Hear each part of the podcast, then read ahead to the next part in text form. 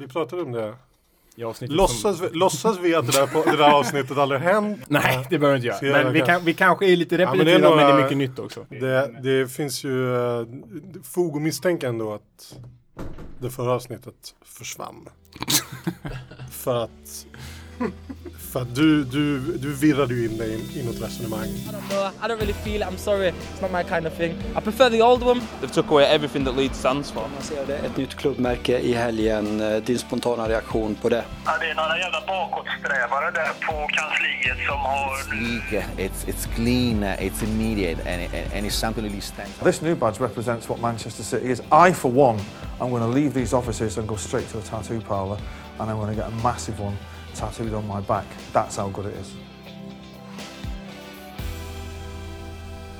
Jag tänker att vi kan dra igång den här podden med en liten en ursäkt. En ursäkt! För att vi fuckade upp där sist. Den var väldigt, uh, den var knuten. Mm. Hårt. Alltså eftersom vi pratar om eh, Ja. historia så har du fått en historisk tröja från Ja. eh, säsongen 1920. Vad vet du om den här tröjan? Eh, väldigt lite måste jag säga. Det är ju ett mönster i den som jag inte har sett på nära håll. Vad skulle du kalla färgen då för? Färgen, Den har ett specifikt namn. Finns det en färg som heter giraff? Eller? ja men det är, li- är väl så, typ så här g- gul-beige. Ja, den är lite hudfärgad så. Men det är en, den heter savann. Ah, då har Ja, men det var långt. nära, gira- giraff. Ja. Ja. Men anledningen till att den har liksom det där mönstret eh, som är mosaik. Det är att eh, bortatröjan skulle symbolisera eh, de norra kvarteren i eh, Manchester. Som eh, var som någon form av liksom meatpacking district eh, som var helt nedlagt. Det fanns liksom ingenting där förrän på 90-talet. När de släppte de här tröjorna så fick ju Pogba och de här eh, nötterna stå i det här området. De ja, men jag håller ju på United också. Ja. Men då fick de stå i det här området eh, med mosaiken i bakgrunden. Jag tror vi kommer lägga upp det på eh, förstår. Twitter. Okej, okej. Ja, men då, då visst, det finns väl någonting där. Ah, där! Ja, men nu, Och så gjorde de en musikvideo. Eh, En, en låt släpptes i samband med det här av en liksom native born eh, Manchester-kille. Och fan. Yeah, blitzing speed, stay true to my teammates, switching seats. We ain't the same in a different league. Take over the game, I'm a different breed. Team full of kings and queens, cold heart, we make your whole kingdom freeze. Born with a gift, so I win with ease. Yeah, that's why, cause it's in Jag Den blir, jag har inte sett den där bakgrundsbilden. Den blir värd som är all symbolik. Den, Jag blir, tror den, att den det gick var- ju upp med ett plus eh, bara man såg eh, mosaiken bakom liksom. jag tror att jag tror att jag är för gammal och ohipp för att förstå det här. Jag kände att musiken var jag satt på musiken så kände jag att det här är inte, jag är inte målgruppen för det här. Det här är intressant tycker jag. Vad tycker du om att man laborerar med ett klubbmärke så här? För, för er som inte har Instagram eller Twitter så är ju alltså Manchester United klubbmärke inte i sina vanliga färger. Det är i, i svart och giraff. Eh, vad tycker du om att man gör så på vissa tröjor? Ehm, jag är nog okej med det, tror jag. Det här är nog på gränsen, för det här är ju som du säger, det här är ju... Ja, det är nog svartvitt va? Ja, det kanske är svart. Mm. Jag tycker att det är okej så länge det är svartvitt. Okej. Det är nog min, jag tror att det är där jag har landat. Men jag Ja. har tänkt, jag, jag, jag har lagt mer tankeverksamhet på den frågan än vad jag borde ha gjort. Eh, men jag tror att jag är okej med om du gör det i svartvitt. Jag har svårt för när man laborerar med att göra det i andra färger. Jag tror att Barcelonas tredje ställ i år, de har ju i turkost i klubbmärket. Ja. Det gillar du inte. Nej, det gör jag inte. Nej. Det gör jag inte om jag, om jag är tvungen att ha en åsikt. Och skarp här och vass. Mm. Ja. Alltså tredje ställen är ju som när barn får sitt tredje, sitt tredje barn. Det När barn spårar, får sitt tredje barn. Nej, när- när liksom föräldrar får sitt tredje barn, att det spårar ju ur. Det är ingen som tar ansvar för det. Det är liksom, Det här är väl som eh, med, med alltså formspråk är väl, formspråk och design är väl precis som med allting annat. Konst, film, litteratur. Så ska du bryta mot reglerna, då säkrast för dig att du gör det bra. Ja, verkligen. Du får bara göra det om du gör det så otroligt bra så att alla är så här, ah, okej då.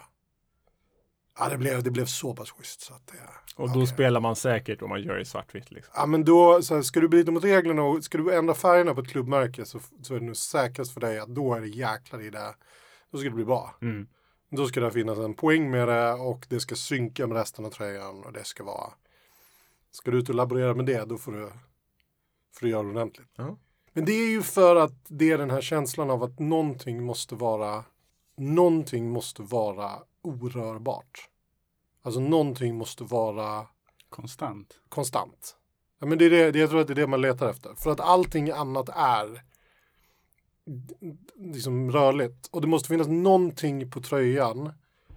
Som är, för bara den här grejen med att man ska ha nya tröjor. Varenda säsong så ska du liksom ha inte bara nya tröjor utan du ska, du ska ha tre nya tröjor. Minst varenda år. Nu har de ju börjat med Europatröjor också. så Och sen är det liksom, du, och jag, jag älskar, jag, jag gillar ju merch. Jag gillar ju att köpa saker. Det är ju det, är det bästa jag vet. Det är ju att köpa sportmemorabilia som jag får själv för hemma. Men, men till och med jag kan ju känna att när det blir lite så här Ja, men jag förstår att det har varit det kinesiska nyåret. Jag fattar det. och jag förstår att det är en stor grej för en femtedel av världens befolkning ungefär. Vilket är, jag, jag förstår magnituden på det. Jag förstår att det är större än det svenska nyåret. Jag fattar det. Jag fattar att vi är en liten, vi är en liten ankdamm i, i, liksom, i den stora vida världen. Men måste man ha en ny, alltså måste alla, alla ligor och alla lag ha en speciell tröja för det kinesiska nyåret? Måste den dessutom vara ny varje år? Alltså måste det säga hur många nya tröjor kan vi ha? Till slut så börjar jag känna då vän av ordning att om vi ska ha liksom, om det ska ut 27 nya tröjor varje år så är det väl, om klubbmärket åtminstone är en konstant så känns det som att det finns någonting som allt roterar kring. Och, ehm, och det, jag, känner att, jag känner att det här betyder mer för mig än vad jag Ja, trodde jag det skulle. märker. Jag märker, jag märker på mig själv nu att det här var tydligen viktigt för mig. Det här är som när jag bråkar med mina barn om någonting. Halvvägs in i bråket så här. Det här var tydligen jätteviktigt för pappa. Jag måste nog, pappa måste ringa sin psykolog tror jag. Jag tror, att det finns en olöst konflikt här någonstans i min barndom som kommer ut på det. Det här är nog, det här är nog, det här är nog projicering älskling. Sitter mina barn där och bara, ja jo det låter så pappa. Kan jag, kan jag återgå till vad jag höll på med nu eller? Det roliga med, med det här kinesiska nyåret och, och klubbarna är ju liksom se vilka klubbar som, som inte har riktigt rätt självbild eller vilka som är lite för megalomaniska för, för sin egen storlek. För det är en grej att Manchester United och, och Liverpool och Barcelona har det här storhetsvansinnet, Juventus, att de siktar in sig på det kinesiska nyåret, den kinesiska marknaden. Men det finns ju få undantag där typ så här Stade de Reims, alltså det är mittengäng i Frankrike eller liksom Ado Den Haag i Holland. De bara, ah, men vi gör en grej med kinesiska nyåret till exempel. Då blir det ju helt så här, men ni, ingen i Kina vet att Haag existerar. Det är starkt om Mjällby gör det. Ja men exakt, det blir Ja, lite jag- det blir samma grej. Ja Liksom. men det, och sen, sen grejen är ju när, när klubbarna börjar anpassa sig för mycket efter fansen som inte bor i staden och inte ens bor i landet. När den här, det här, vi ska vara ett internationellt brand. Juventus. Eh, ja, och United. United var väl, de, de är väl, de, Ah, ja, de har väl absolut. gått längst fram i det ledet kan jag väl uppleva. Ja, absolut. eller, en av de, långt fram Mm. i ledet. Eh, ehm, jag, jag kan uppleva att någonting går förlorat. Jag kan känna att, får jag, får jag säga så här, jag kan känna att svenska fotbollssupporters är ibland inte jättebra på att förstå att när vi pratar om hur de här klubbarna anpassar sig för mycket efter sin internationella publik och att den här engelska klubbens själ går förlorad så är ju vi ett lika stort problem. Så är det ju, de, de svenska supportrarna, vi är ett lika stort problem och de skandinaviska supportrarna har nog varit drivande i det där.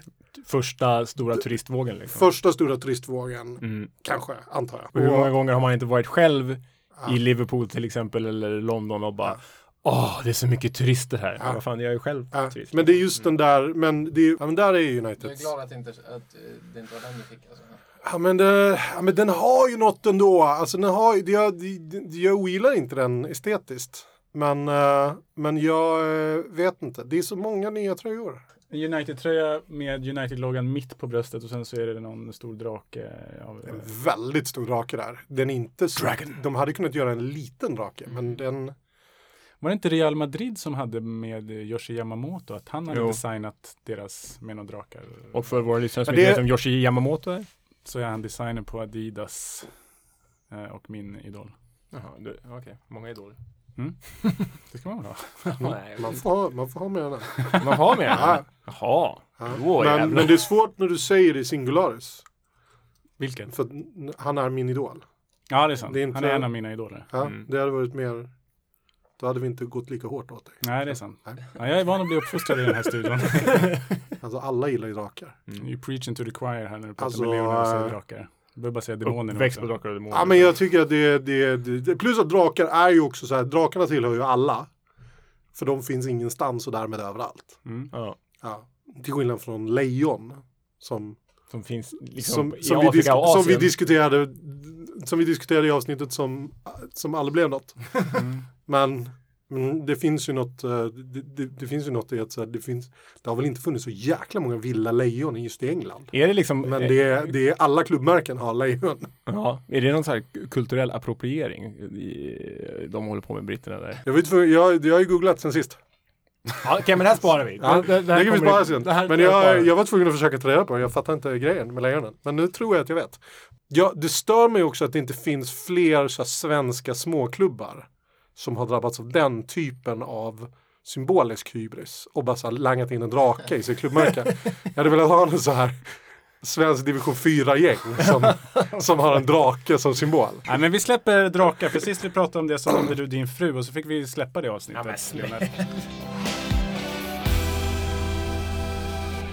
Jag tänker att vi hoppar direkt till eh, en faktaruta. Ah. Fullständigt namn. Karl Fredrik Backman. Hur gammal är du i själen kontra huvudet? Min fru, min fru säger nog en bra bit över 70 är väl i, Är det själen då? i själen blir det nog ja. Ja, och ungefär 11 i huvudet då. Mm. Skulle jag nog säga att de flesta skulle samfatta det. I författares värld så pratar man ibland om att man måste kill your darlings. Mm. Hur många darlings har du dödat eller din förläggare? Vem dödar mest? Alltså jag, jag har ju ett oerhört stort ego. Eh, så det, är ju, det, dödas inte så mycket darlings om det inte är av mig. Eh, jag, behåller ju, jag behåller ju grejer som jag, jag kan bråka rätt länge. Mm. Skit. Jag tror, att en, jag tror att min agent skulle nog hänvisa till det stora bråket om ordet min. Mhm. Som det genomgående när eh, jag skulle Mm. ge ut min andra bok. Min andra roman. Och den hette Min mormor hälsar och säger förlåt. Och förlaget var så här, "Ja, det är en väldigt lång titel. Svårt att få in på omslaget. Skulle den kunna heta kanske så här Mormor hälsar? Nej. Skulle den kunna heta så här Mormor hälsar förlåt? Nej. Skulle den kunna heta Mormor hälsar och säger förlåt? Nej. Så slutet var vi nere på, kan vi ta bort ordet min? Så att den heter Mormor hälsar och säger förlåt. För det blir mer, det blir jämnare, det är ungefär lika långa ord och det blir, det blir en jämnare grafisk utformning på det. Kan vi ta bort ordet min så att den heter Mormor hälsar och säger förlåt? Nej. Um, och sen hade jag en så här, tre timmar lång utläggning för min agent om varför ordet min är helt centralt för berättelsen om vem det är som berättar historien. Vem, vem som äger den här historien. Ordet min är helt centralt, det måste vara med. Bråkade om det här, fick min vilja igenom. Sen kom den ut i Norge, då hade de bara tagit bort ordet min. Så det var, eh, där, där fick jag lära mig, där fick jag lära mig något om den internationella bokutgivningen. De verkar ha gjort fel här. De har Ja. glömt ta bort Jag tror, ordet att, min. jag, tror att, eh, jag tror att min agent någon gång har sagt att min, det, det är nog många gånger som min svenska förläggare hade önskat att de var en av mina utländska förläggare. Mm. Så att de bara lite, i lite högre utsträckning hade kunnat skita i vad jag säger. NHL, NFL eller REM? Rem? Sömn. Alltså. Rapid Eye Movements. eh, nej men. Uh, oh, om jag måste välja, ja men NFL tror jag. Mm. Om jag måste välja. Vad är favoritlaget för de som lyssnar? I NFL? Mm. Cowboys. Mm. Eh, tyvärr. Har inte det, ditt cowboys-twittrande ökat markant bara de senaste 17 dagarna? Jo. Jo, det ökar ju också när de är riktigt dåliga. Ja. Eh, då ökar ju frustrationstwittrandet. Jag twittrar ju som minst av mina dagar när de är bra. Just det. Eh, när det går bra så då är det väldigt lite twittrande. Men eh, jag, är dålig på, jag är dålig på skadeglädje just på Twitter.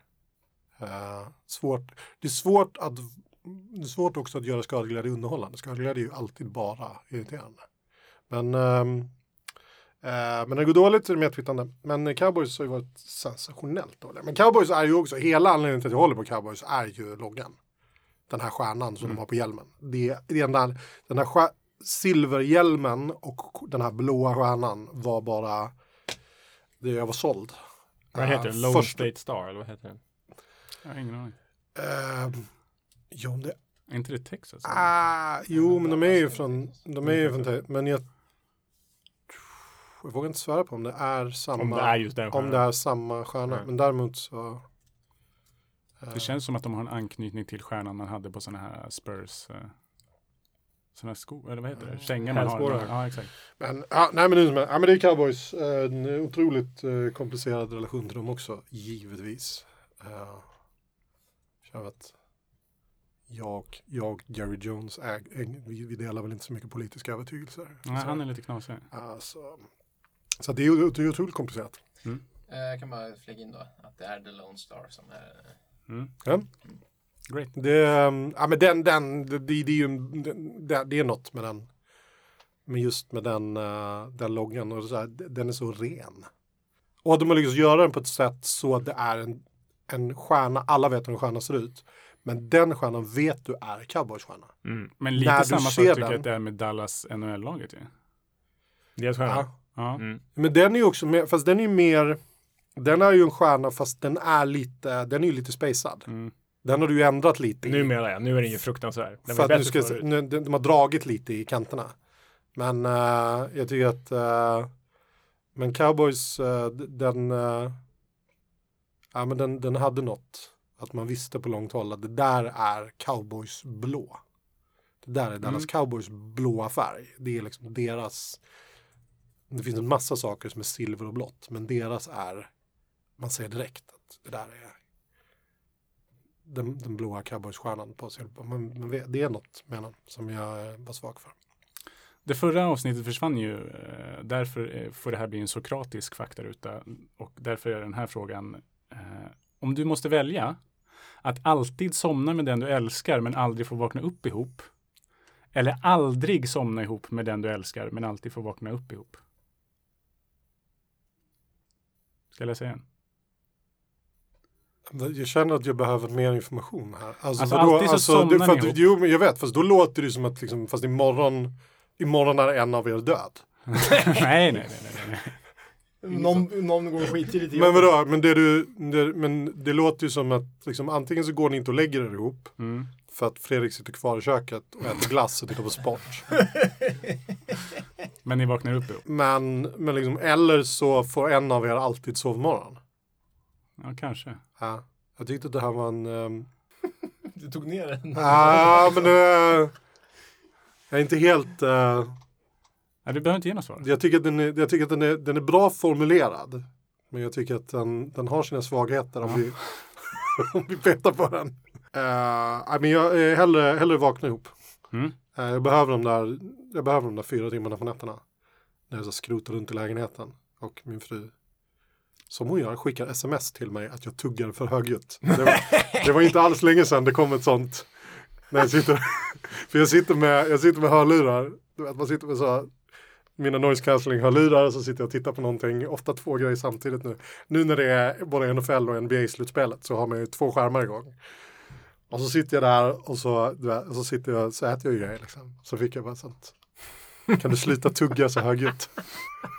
Vad är världens snyggaste och fulaste klubbmärke?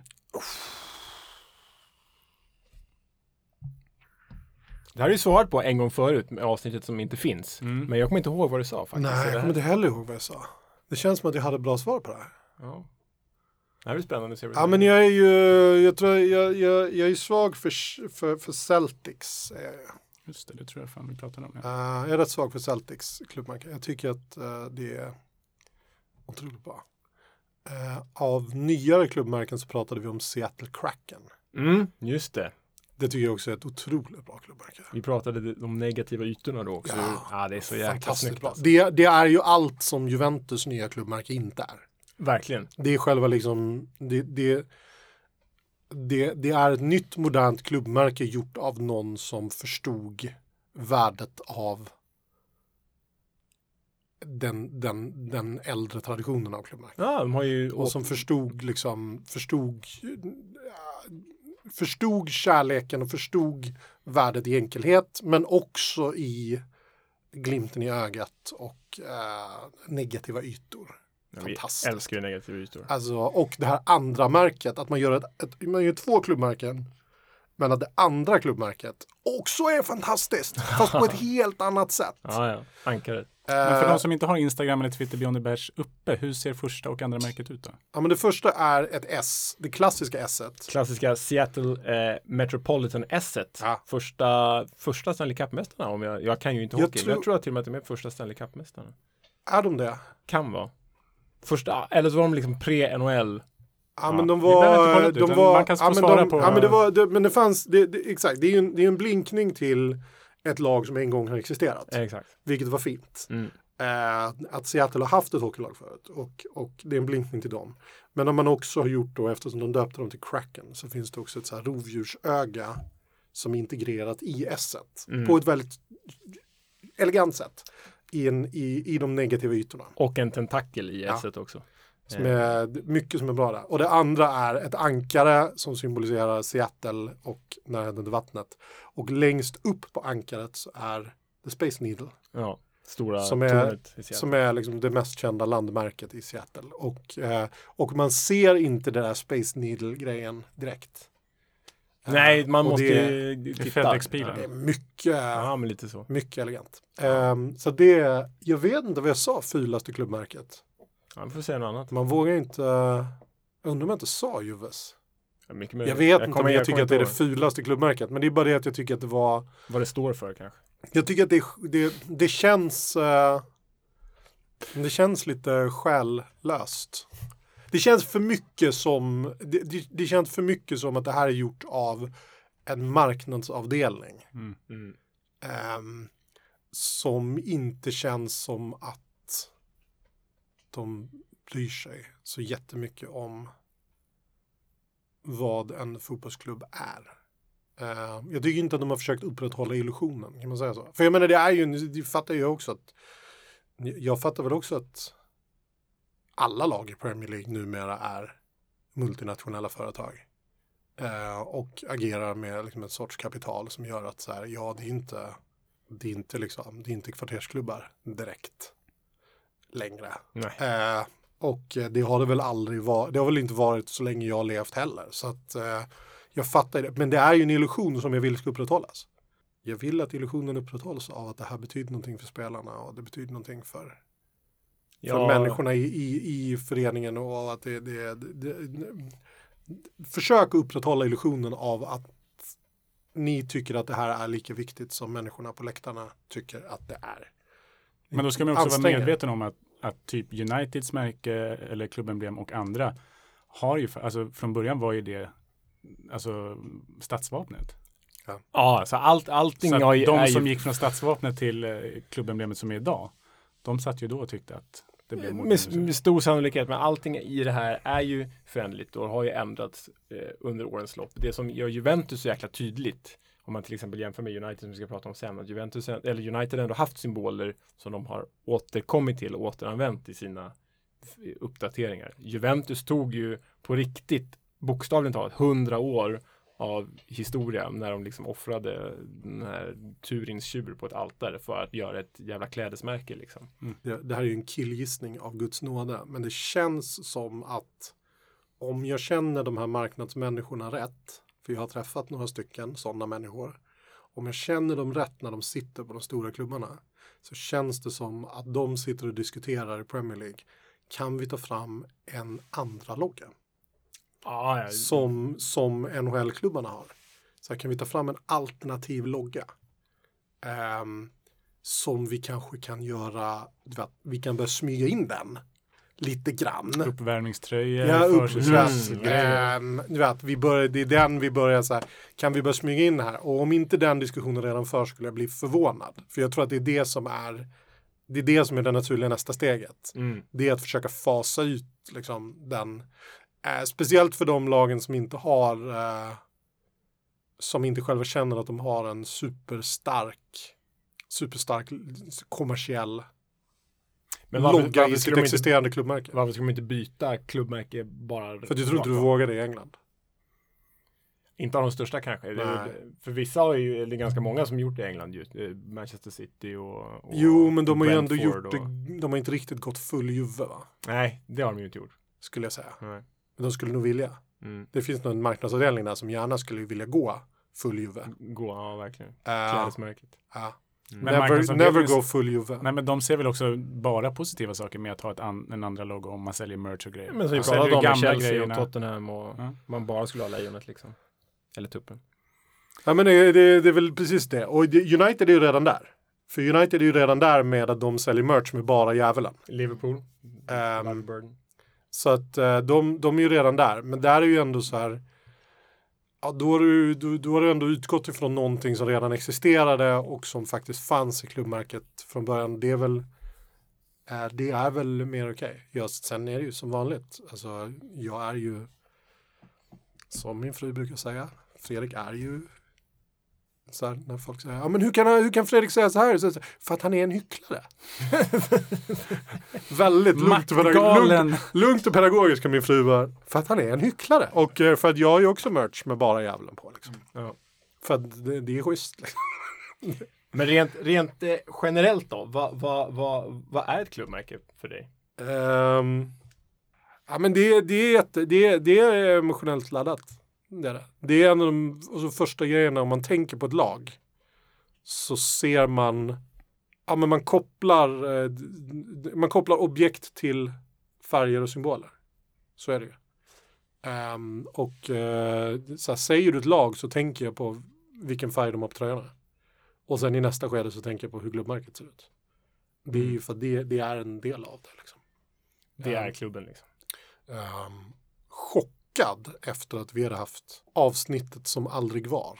Eh, så uh, blev chockad när jag eh, fick läsa på lite om hur, hur nytt ändå fenomenet med klubbmärken är. Ja, alltså Eh, det är ju... Det är typ 60-70-tal Ja, Det är, som det verkligen blev då, det är verkligen då det ex exploderar. Ja. Vissa, vissa var ju väldigt tidiga som Ajax Ja. till exempel. Men de flesta hade ju bara stadsvapen eller ingenting. Och det är ju, det är ju ändå chockerande men vadå, ni hade, ni hade liksom ett fotbollslag som folk kände någonting för som inte hade, som inte hade ett märke. Vad, hur gick det ens till? Hur visste ni ens vem ni höll på? Vad är det? Det stod bara EFC. Liksom, ja, men vad, är, vad, är, vad håller ni på med? Ehm, så att eh, det. Och, och då blir det ju givetvis töntigare att prata om att så här hetsa upp sig så mycket av att Juve byter märken är så här Ja, så det är inte bara det att det är inte bara det att det gamla märket kanske bara funnits sedan 60-70-talet. Märken som helhet har bara funnits sedan 60-70-talet. Det är ett nytt fenomen. Uh, det, det, jag vet inte. Men jag, jag känner starkt för märket. Det, det är viktigt. Men skulle man kunna säga att det är liksom Amerikat som har influerat det? För de måste ju vara mer benägna till att ha en kortare historia. I Europa är liksom historien så mycket längre. Och i Ja. USA så byter man ju städer eller franchiser. Alltså de byter ju Ja, men det har man också svårt för. Det är också en... Men det är ju likadant där. Eh, Jag tänker mig att vi blir så influerade av USA hela tiden i Sverige väldigt, väldigt mycket. Kan det ha varit liksom det som influerat Juventus eller att, att de tar det steget och man ser det mer också? Ja, men det är ju bara att Juventus tog det steget, eller de klubbarna tar det steget, det är ju för att det är av marknadsmässiga skäl. Liksom. Och till en början när man gick ifrån statsvapnen, det handlade ju om, om ehm, vad heter det, copyright-skydd. De kunde ju, det, och som i sin tur handlade om pengar, merch. Du kunde ju inte, Manchester United kunde ju inte eh, varumärkesskydda Manchester stadsvapen. Nähä, då behöver vi ett nytt eget klubbmärke som vi faktiskt kan varumärkes, varumärkesskydda, som vi kan tjäna pengar på. Så det är ju där allt har sin början egentligen ju. Förutom de kanske allra första, typ Ajax 1900 som, ja men vi ska ha en identitet, då har vi den här fotbollsspelande gubben liksom. Så lite beroende på när du, klubben började med hela sitt eh, egna klubbmärke så, så handlar det ju antingen om en, en ursprunglig identitet eller identitet och varumärke liksom. Så är det ju. Skulle jag säga. Men eh, eh, Jag älskar hur du avslutar ett långt resonemang med så är det ju. Skulle jag säga.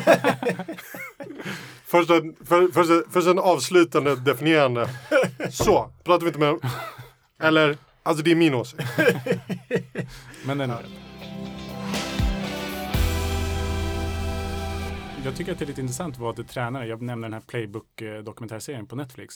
Jag tycker att det är superintressant vad en tränare säger första träningen när man kliver in. Och då tror jag att det var USAs landslagstränare för damer som efter att de hade vunnit eh, VM och allting så första träningen så visste hon så här, okej, vi måste testa någonting annat. Så det första hon sa, det var att hon visade en bild på ett berg just.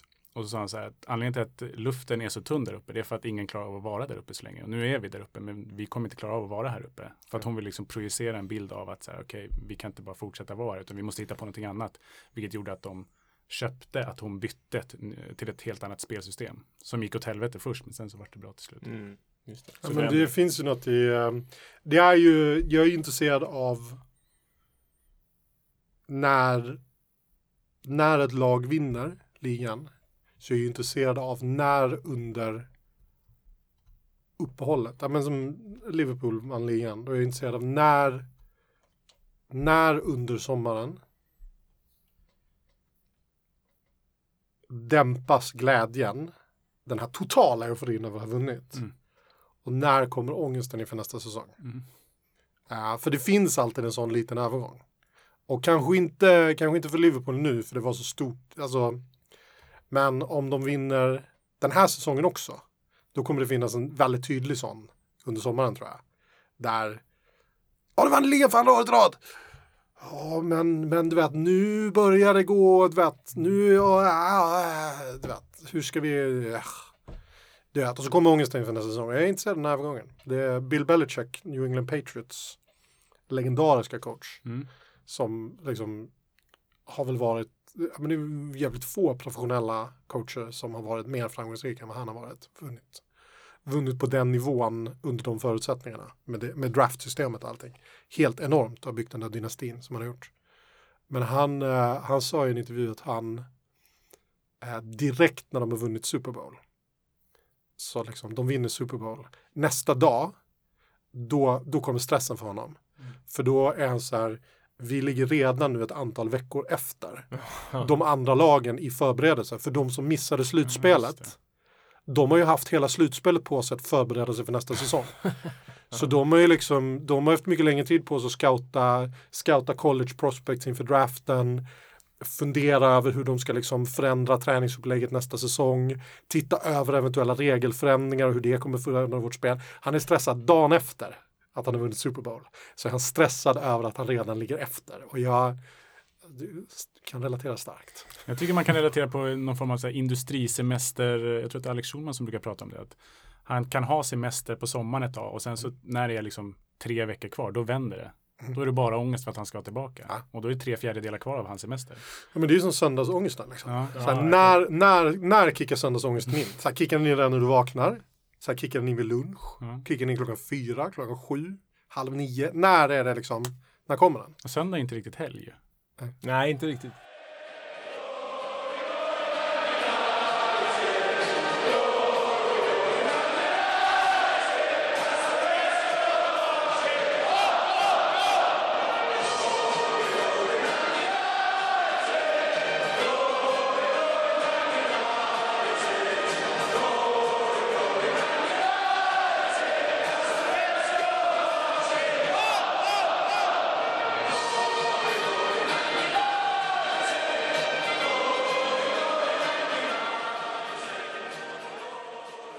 Anser du om Ferguson? Skulle, hade du något namn som du tänkte skulle ta över? Är det rätt att Ole är där eller?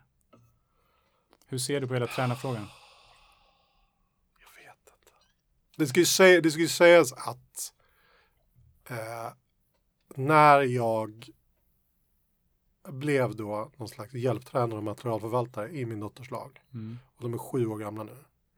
Och när jag pratar om fotboll med de andra tränarna, i synnerhet en av de här tränarna som är han är ju liksom förbundsutbildad och har tränat stadslag bland tonåringar och tränat AIKs akademilag. Alltså, han är väl förmodligen en av Sveriges mest överkvalificerade knattetränare. Så kan vi säga. Han är enormt överkvalificerad. Eh, eh, men han har en dotter i laget så han steg ner och tog det här gänget. Och de kör ju övningar ibland som där han säger Ja, men jag vet, inte om, jag vet inte om de kommer fatta det här. Och jag står bredvid och säger, jag fattar inte. eh, och när han pratar om fotboll så har jag lärt mig hur lite jag kan om fotboll. Och det har varit, det har varit en ögonöppnare för mig. Och jag tror att väldigt många fotbollssupportrar skulle må väldigt bra av att få träffa någon som verkligen, verkligen förstår fotboll. Så att man förstår hur, så här, har jag ju tittat på fotboll hela mitt liv? Jag har ingen aning om hur det här spelet fungerar egentligen. Jag har ingen aning. Mm. Jag står där på läktaren och bara kötta! Tror att så här, du vet, de måste vilja det mer. Ja, det är en del av det. Det är inte, det är inte hela, det är inte hela liksom skillnaden. Eh, och förstå eh, nyanserna i det, förstå nyanserna i ett spelsystem, förstå hur långt det tar att sätta ett spelsystem, precis det där du pratade om. Hur lång tid det tar att så här, vi ändrar spelsystem, det kommer ta ett tag att sätta sig. Och ur det kommer sen växa någonting ännu bättre som är hållbart på sikt. Men det vi gör nu, det har de andra börjat läsa sönder. Så det kommer bara funka ett tag till. Och sen kommer det vara kört. Vi måste börja förändra oss nu. Allt det där. Um, aldrig känt mig så dum som nu när jag liksom har insett hur lite jag kan om fotboll. Med det sagt. ehm, Ole Gunnar verkar vara en otroligt sympatisk person. Men? Eh, han slår mig inte, med min begränsade förmåga att avgöra det här, så slår inte han mig som någon som kan göra avgörande förändringar i andra halvlek eh, som förändrar en matchbild. Och av det vi har sett i Premier League de senaste åren och framförallt i Champions League så är det ju att om du inte har en coach som kan förändra en matchbild i andra halvlek, som kan se vad det är som inte fungerar, göra någonting i halvtid som förändrar allt i andra halvlek. Om du inte har den coachen som känner sin trupp så väl så kommer du inte vinna något. Det är min känsla. Eh, jag tror att eh, eh, United, jag menar de kom ju trea, det är ändå så här, man kan inte, det finns en gräns för hur mycket man kan skälla på ett lag som kommer trea. Men eh, eh, jag tror att de är en topp fyra, topp fem klubb. De är definitivt en topp sex klubb Mm. med honom. Eh, jag tror inte att de vinner ligan med honom. Men det är ju, vad vet jag, alltså vi, vi kan väl enas om att han vet mer om fotboll än vad jag vet. Mm. Eh, så att, ehm, men, ehm, men det är väl ungefär där jag är. Då vill vi utgå lite från vad du vet mer än vad vi vet. Ingår United i dina böcker någonting? Maskerat? Ja, men det gör, jo, men de ingår faktiskt. Jag skrev en bok som heter Britt-Marie var här. Eh, där, eh, som handlar om en eh, 63-årig kvinna. Som, eh, ja, hon, hon, eh, hon, eh, hon lämnar sin otrogna man och eh, eh, river upp hela sitt liv som hemmafru. Och ger sig ut i världen och hamnar i en liten stad och får jobb som fritidsledare på i en, i en mycket nedgånget samhälle med Borg. Träffa en snut va? Och, ja. Och eh, träffar en snut. Hon börjar dejta en snut. Eh, eh, och där, eh, där tar hon över ett fotbollslag av eh, luggslitna ungar. Och eh, eh, där förekommer det en diskussion om vilka lag olika människor håller på. Och det här var ju innan Liverpool är vad Liverpool är nu. Mm. Men eh, då, då sägs det bland annat om Liverpool, vilket jag ju, du vet, ångrar att jag skrev i efterhand eftersom alla mina kompisar som är Liverpool-supportrar nu kan hålla emot mig. Eh, men jag skrev att, att det, är en av, det är en av de här ungarna som säger att om man håller på Liverpool så ger man aldrig upp.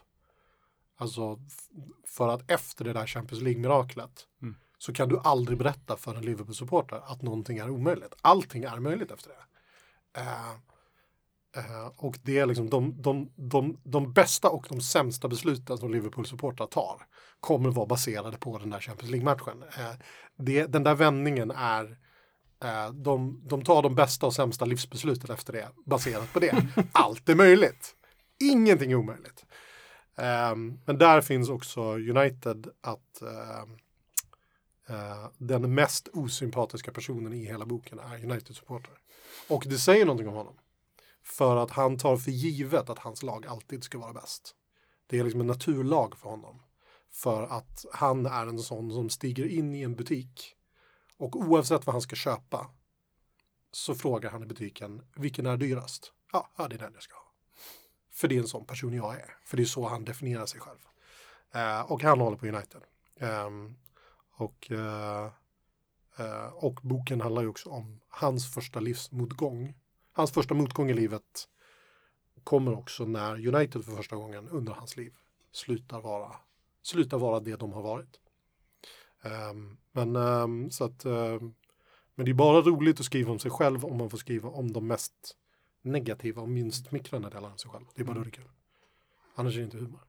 Mm. så att sägs ju också i den, där, i den där boken, i Britt-Marie här är ju också en sammanfattning av Tottenham är ju att de är de, de värsta, den värsta sortens uh, det värsta sortens lag att hålla på. För de är alltid nästan bra. Mm. De är alltid nästan där. Det är sin sak om de, inte, om de är dåliga, om man vet att de är dåliga, men de är nästan, de ger dig alltid, alltid, alltid hopp. Och, Och sen gör de dig alltid, liksom. alltid, alltid besviken.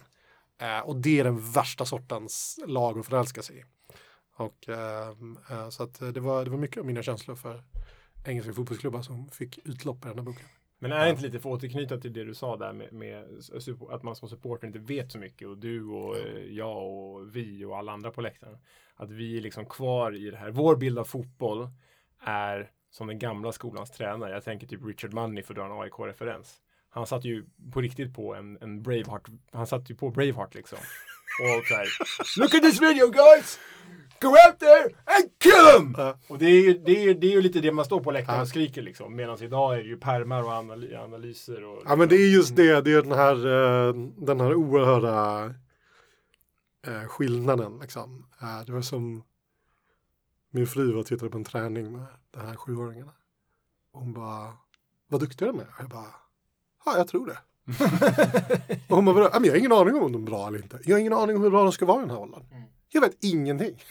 Det är så här, jag kan inte, jag, jag, jag vet inte. Jag har ingen aning. Jag, ska, jag har precis lärt mig att jag inte vet något. Eh, men, eh, men det finns något. eh, men jag är ju mer, man är ju mer intresserad av och den, jag är intresserad av den, den spännvidden. Liksom. Alltså de här, jag förstår den här enorma frustrationen man måste känna som ja, men, tränare i ett allsvenskt lag, ung tränare i ett allsvenskt lag. När folk bara står och brölar på läktaren. Ja. Och de här tränarna måste ju stå där nere ibland och vara så här, vet du hur svårt det här är? Ja, verkligen. Jag Vet du, tänker, hur svår, vet du hur många saker jag ska tänka på varenda match? Det är så jävla många saker att tänka på! vet du hur många parametrar jag förhåller mig till här nere? Och är bara 17 meter! Det är så... Det är som det här bråket förra säsongen mellan eh, när Kalmar på åka ur den. Magnus Persson eh, konfronterade Ja. Kalmar-supportrarna ju. För de skrek ju typ Kämpa! Ja. Småland, ni kämpar inte! Ja. Och han kommer ut och bara Det är det enda vi gör! Liksom. Jag förstår ju hans frustration. Det, det var, han hade ju ingenting att vinna på det. Nej. Och någon borde ha hejdat honom. Ja. Och det fanns ingenting gott kom ut av att han gjorde det där. Nej. Och det, det visste han i, i, i gången på väg ut mot planen. Ja. När han går över gräset så vet han det själv. Och alla runt omkring honom vet det. Ingenting bra kommer komma ut av det här. Det här är bara liksom, nu, nu är det bara liksom fritt fall för dig härifrån. Mhm. Ehm, men man förstår frustrationen. Verkligen. Eh, man fattar att, så att tror du inte att vi, tror att det är det som är problemet här? tror du på riktigt att det är det som är problemet? Eh, det är väl också så, man tror väl att man är en riktig fotbollssupporter tills man träffar en riktig fotbollssupporter. jag kommer ihåg när jag åkte på bortamatchen när jag liksom var 18 år, Djurgården hade liksom klättervägg i ansiktet. Det var någon jävel som liksom, jag tyckte att jag var supporter. Klättervägg i ansiktet. Men då var det liksom, Mycket bra. Ja, mycket bra. Ja. då var det liksom någon som hade tatuerat in DIF i und, på insidan av underläppen. Aj, aj, aj, aj. Då tänkte jag okej du är Du är mer committad än vad jag är i det här. och då sitter jag ändå hellre i med långburkar, liksom nödraketer från Statoil som är ljumna. Ja men det är rätt som det så, så stöter du på något. Ja men det är, det är också så och det måste man försöka ha respekt för. Liksom. Man måste ha respekt för folks känslospektra. Um, åter, återgår vi då till Juves nya logga så är det det jag upplever att de inte har. Nej. De har inte respekt för någon annan än. Det, den marknadsavdelningen har ingen respekt för någonting.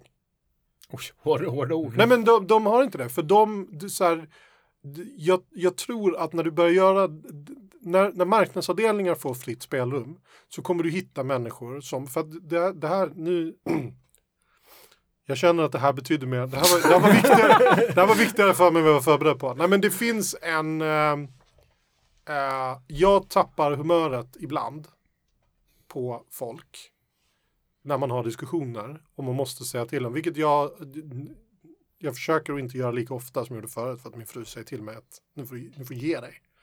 Men jag blir förbannad på folk som aldrig har älskat någonting. Alltså som aldrig varit besatta av någonting och därmed inte kan ha någon respekt för andra människor som är besatta av någonting. Där det är så här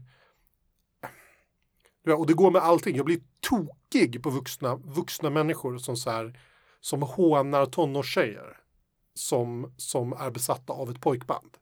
Jag blir tokig. För jag säger, du, du, de är besatta av någonting, de älskar någonting. Låt dem vara. Alltså sluta håna folks kärlek. Det är så här, folk behöver få vara besatta av grejer. En del är besatta av fiske. Andra spelar golf. Men, men man träffar på människor ibland som aldrig har varit besatta av någonting. De har varit så här lagom intresserade av allt. Det finns ju ingenting att prata med de här människorna om. Det är de mest ointressanta individerna som knallar på Om du inte har en enda grej som du är lite för intresserad av, då har vi ingenting att prata om. Det är så här, ja, så här, du, du spelar golf, är du, du, så här, tycker du, ja men det är okej. Varför lägger du alla de här timmarna på det om du, om du inte är besatt av det? Vad håller du på med? Nej men det är väl okej, liksom. Så här. Vad är du mer intresserad av? Nej. Så här. Så här. Ja, men vad gör du? Nej, men lagar mat. Oj, du är intresserad av matlagning? Berätta. Så nej, men det är... Så här, man gör väl någon köttbit ibland. Men, men vad för helvete! Alltså, det är så här, du, du- måste så här, det måste finnas någonting som du är lite för intresserad av. Du- du- Jag bryr mig inte. Du tillverkar egen gin. Ja, men då har vi någonting att prata om. Du är lite för intresserad av tåg. Prata om tåg. Jag bryr mig inte. Men, äh, men, men jag, jag upplever att jag, jag tror inte att människorna bakom Juventus-loggan älskar någonting mer än vad som är rimligt. Ja, Jag tror inte att de blir tillsagda av sin omgivning att du måste, du måste sansa dig nu. Du är ju besatt Nestor eh, Jägerskiöld av klubbmärken. Vad vet du om United innan du berättar själva storyn bakom då? Eller vad kommer Ja, du men ihåg? nu vet jag, ju- nu vet jag ju desto mer. Vad Vad kommer, du ihåg, vad kommer jag ihåg från förra samtalet? Ja, men när jag kom hit första gången så hade jag ju faktiskt, eh, då hade jag ju i- så här vägledd av Erik Nivas samtal som jag känner är benchmarket för alla era avsnitt efteråt. Misstag att ta dit Erik Niva så tidigt. Um, jag är ju tveksam att komma hit för att jag känner att men, nu, nu, är det ju, nu, nu har ni visat vad det kan vara. Så Nu kan du bara så ramla här ner från bergstoppen. Ja, verkligen. Eh, men då hade jag inte googlat. Precis som Erik, för jag tyckte det lät hederligt när Erik sa att Mm. det hedliga är ju att komma hit och inte googla först. Men, eh, men sen berättade ju du allting. Alltså det blir, det blir lite annorlunda premisser. Så nu blir det lite annorlunda premisser. Men, ehm, nej, men vi började med att prata om Newton, Newton Heath. Ja. Eh, och det här uh, Norwich-färgade klubbmärket som är fantastiskt. Alltså det är ju, Ja, det är faktiskt det är ju något. Sen, sen har jag faktiskt sen dess googlat, jag vet inte om vi pratar om det, men att, Det finns ju att olika... anledningen till att de heter Manchester United är för att, pratar vi om det? Nej.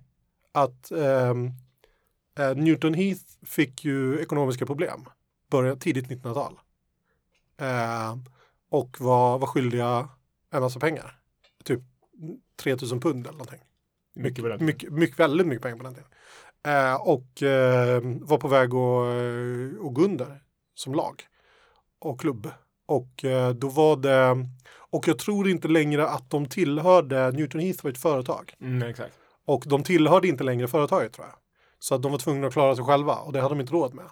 Och då gick, då var det no, en grupp affärsmän eh, som eh, gick, gick samman och tror jag lagkaptenen i laget Mm. som gick ihop och puttade in 500 pund var och betalade av skulderna. Och eh, eftersom de då var, allihop var från Manchester och från olika delar av Manchester tror jag, så, så döpte de klubben till Manchester United. En sammanslagning av människor liksom, Ja. istället för klubbar. Och, eh, och det visste jag inte. Och det var ju, det, det var ju en... eh, eh, det, var ju, det var ju en, en, en väldigt sympatisk anledning till att heta Manchester United. Ja. Må jag säga. Ja. Som, så då växte min, det växte min kärlek till klubben. klubben lite. Mm. Ja, men, eh, och sen så eh, sen går de igenom sin evolution, några klubbmärken som jag tänker mig att du ska ta nu.